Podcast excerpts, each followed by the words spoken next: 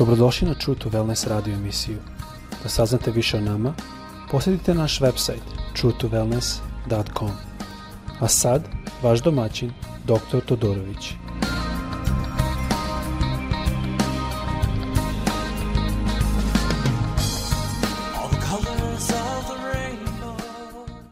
Dobrodošli na naš podcast. E, pozdravljam vas iz Floride. Želio bi narednih par epizoda da Govorimo o Davidu, o Samuelu i o Saulu. Mislim da je prilično zanimljivo u današnje doba kada naše crkve su postale vrlo religiozne, da pogledamo kako Bog sve to gleda ovdje, kako, zašto je Bog volo Davida, Davida koji je preljubi počinio, koji je puno ljubi, ljudi poubijao, zašto gospodan, gospod nije volao Saula? Saul, ne, prva stvar kad je trebalo, je, on je trebao da ubije nekog kralja, on nije, a Bog to nije volao. Zašto? Šta je razlika tome? Malo bi volio da pogledamo na te različite e, ljude u smislu kako su oni živali, kako su oni vodili sve u tom pogledu E, što se tiče reći Bože i šta možemo da naučimo od njih. Ako čitate prvu knjigu Samuela, vidjet ćete da to počinje o e, govor o e, čovjeku iz Efraima koji ima ženu, koje, dve žene, jedna se zvala Hana, a druga se zvala Pena. I Pena je imala decu, ali Hana nije. I onda je ona bila, molila se u Ramu i molila Boga da joj da dete i obećala je da ako Bog da dete da će ona predati to dete Bogu da služi njemu kako Bog to želi. I dok se ona molila, Elim nošao i Eli je mislio da ona pod i onda je on po karanju, a u stvari ona nije nego bila u muci, dok je bilo sramotanje da ona nije mogla imati decu, da ona je molila Boga da je da. I Bog je tu slišio i Samuel je odrastao u hramu i naučio je put Boži i bio je, kao što znamo iz dela apostolske, on je bio zadnji sudija naroda Božeg i ujedno prvi prorok. To vidimo u Dela apostolske 3. glava 23. ste kaže i bit će da će se svaka duša koja ne posluša tog proroka istrebiti iz naroda, govori ovdje o Hristu. A i svi proroci od Samuila, znači on je početak tu, i potom koliko ih god govori i za ove dane javljaše. Tako da vidimo da je u to doba apostoli su govorili i koristili razne delove starog zaveta da pokažu koji je put koji je Isus nama ostavio. Možemo vidjeti koliko je Samuilo bio predan reći Bože kad je Gospod njemu pokazao da je Bog odbio Saula da bude kralj. On je plakao i on je tužio pred Bogom, žudio pred Bogom, govorio Bože zašto? I šta se desilo je da je Bog njega poslao kuće Jeseju, to je bio otac od Davida. Kad je Samuel došao do Davidovog oca, on je pitao da on izvede sve svoje sinove, Davidov otac. I on je izvao njih i Samuel je pogledao na prvog i rekao je sam sebi mora da je ovaj, ovaj izgleda baš kao kralj, ali Bog rekao ne. Onda drugi pa treći, sve do sedmog, ali Bog pokazao da nisu ni jedno od njih. I onda čitamo u 1. Samuela 16. glava 11. stih. Potom reče Samuilo, Jaseju, jeli su, ti, jeli su to svi sinovi? A on reče, ostaje još najmlađi, enoga pasa ovce. Tada reče Samuilo, Jasej, pošalji te ga dovedi jer nećemo sedati za sto dok on ne dođe. I posle te ga dovede. I bješe smeć lepi očiju lepog stasa. I gospod reče, ustani, pomaz, pomaži ga, jer je to.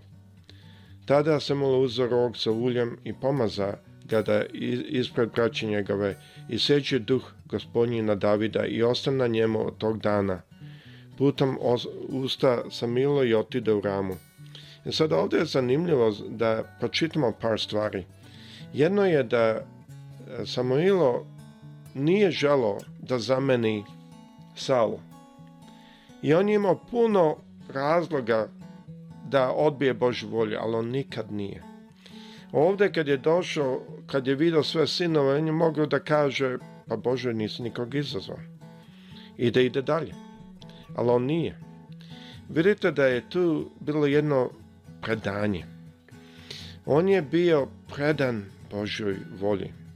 To ne znači da je on živao bez greške.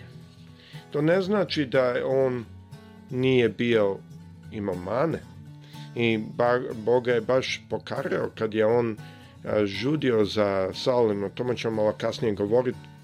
E, Bog je rekao, prestani da, da da me moliš oko toga. E sada, zašto želim ovo da iznesem je iz drugih stvari. Samuel je jedan prvi prorok i zadnji sudija. Do tada je narod Boži vođen od strane sudija. I narod je tražio protiv Bože volje da imaju svog cara, svog kralja. I Bog im to dao. I Saul je bio postavljen kao prvi kralj. I sada što je zanimljivo je da ovo je jedna slika današnjeg crkve. Naime, jedna pozicija proroka je da ima dve funkcije. Da kažu napred što će Bog da i da deklara ili da iznese istinu, da potvrdi što je pravda. Mi imamo danas mnoge proroke, da tako kažem, koji čuju druge stvari.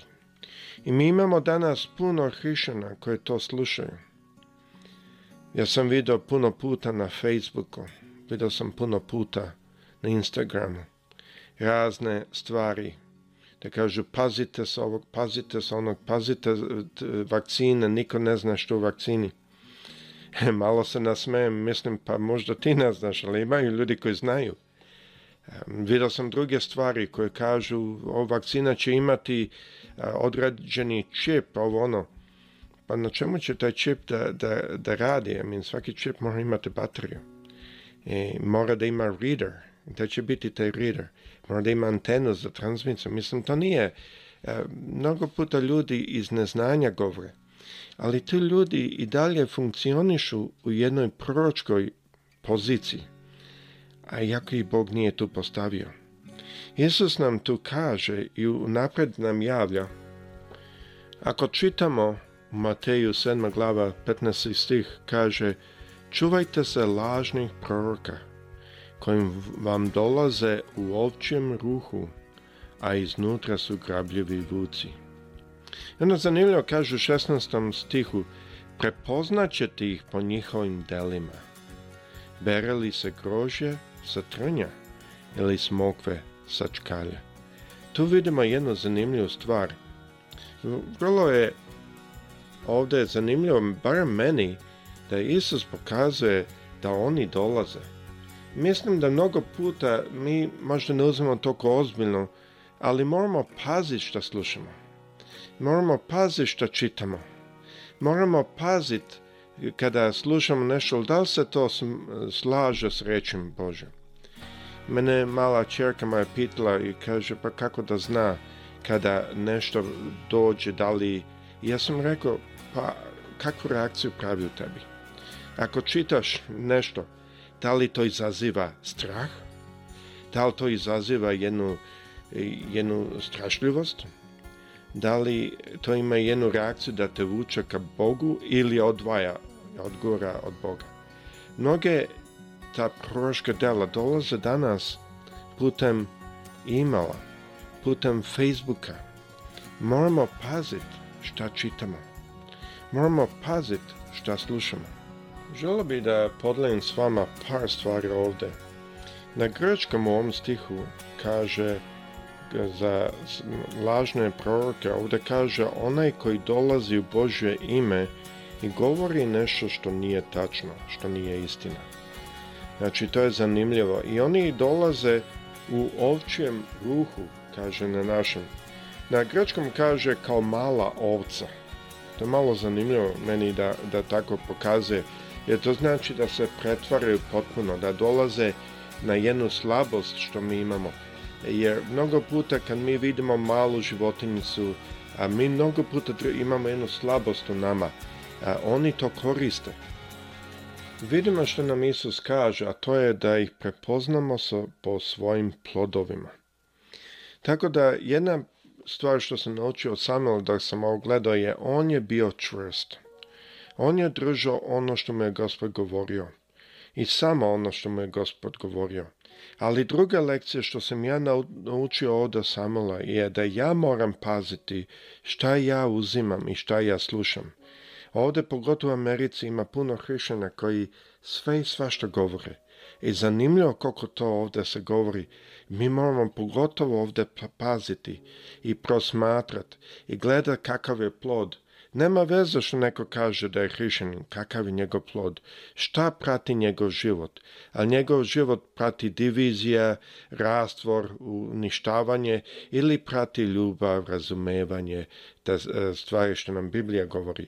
Znači, jedna lekcija od Samuela je da moramo ne samo biti, ako smo u toj poziciji, oni koji gledaju na reč Božju, to jest koji gledaju na Boga, ali isto moramo shvatiti ima puno vođa koje mi moramo prepoznati, koji dolaze, a nisu riječi Bože. Naredna epizoda ću govoriti malo o Saulu i šta znači Saul i kakav je on bio kao čovjek i zašto ga je gospod obio. A onda ćemo poslije pogledati o Davidu i zašto njega Bog volao. Kao se sa svima vama prijatelji.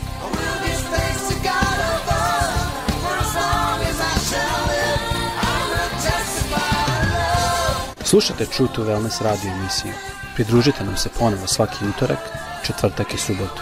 Za kontakt molimo posjetite naš website true Naša e-mail adresa je info at